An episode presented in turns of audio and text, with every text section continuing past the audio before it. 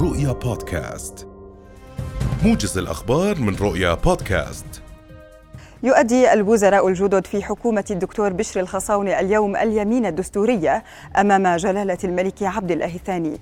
ووضع الوزراء استقالاتهم بتصرف رئيس الوزراء خلال جلسة مجلس الوزراء التي عقدت أمس تمهيدا لإجراء التعديل الوزاري.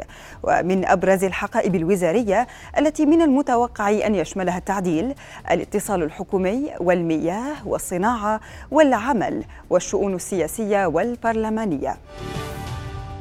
تبدأ وزارة التربية والتعليم تنفيذ المرحلة الثانية من البرنامج الوطني للتطعيم الذي يستهدف فئات واسعة في جميع مدارس الأردن الحكومية والخاصة بالإضافة إلى طلاب رياض الأطفال وأطفال الحضانات ودور الإيواء.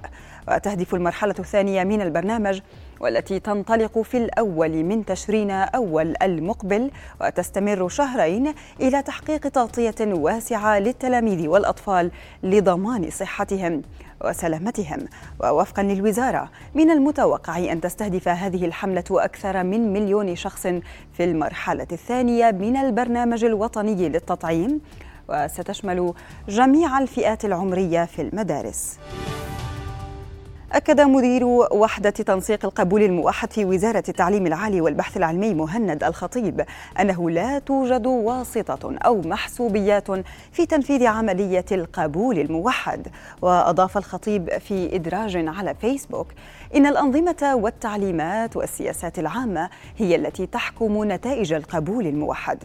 ورجح إعلان نتائج القبول الموحد لمرحلتي البكالوريوس والدبلوم المتوسط للعام الدراسي 2023 2024 الأسبوع المقبل على أبعد تقدير. قررت المؤسسة العامة للضمان الاجتماعي إطلاق حملة تحفيزية تتضمن تخفيض نسبة فائدة التقسيط على المنشآت المدنية الراغبة بتقسيط مديونيتها. وأوضحت المؤسسة المؤسسة في بيان صادر عنها أن نسبة فوائد التقسيط التي خفضتها المؤسسة تتفاوت بحسب مبادرة أو بحسب مبادرة من تلك المنشآت إلى التقدم للمؤسسة بطلب لتسوية مديونيتها وتقسيطها والتوقيع عليها خلال المدة الزمنية المحددة والتي بدأت اعتبارا من العشرين من أيلول الحالي وتستمر لمدة عام. انتشر 45 عنصرا من القوة الأمنية الفلسطينية المشتركة في عدد من أحياء مخيم عين الحلوة للاجئين الفلسطينيين جنوبي لبنان اليوم تنفيذا لقرار هيئة العمل الفلسطيني المشترك الذي تم التوصل إليه في الرابع عشر من الشهر الجاري لتكريس الأمن في المخيم.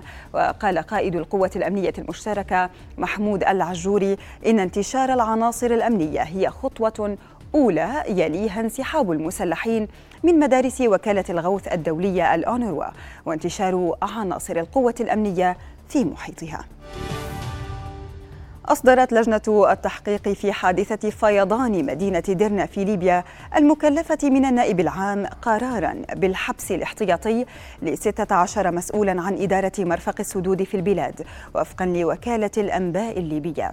ووجه مكتب النائب العام تهم إساءة إدارة المهمات الإدارية والمالية المنوطة إلى 16 مسؤولا في إدارة مرفق السدود من بينهم رئيس هيئة الموارد المائية السابق ومدير إدارة السدود ورئيس قسم تنفيذ مشروعات السدود والصيانة.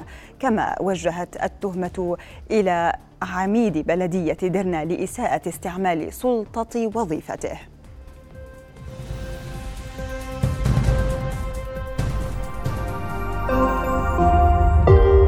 رؤيا بودكاست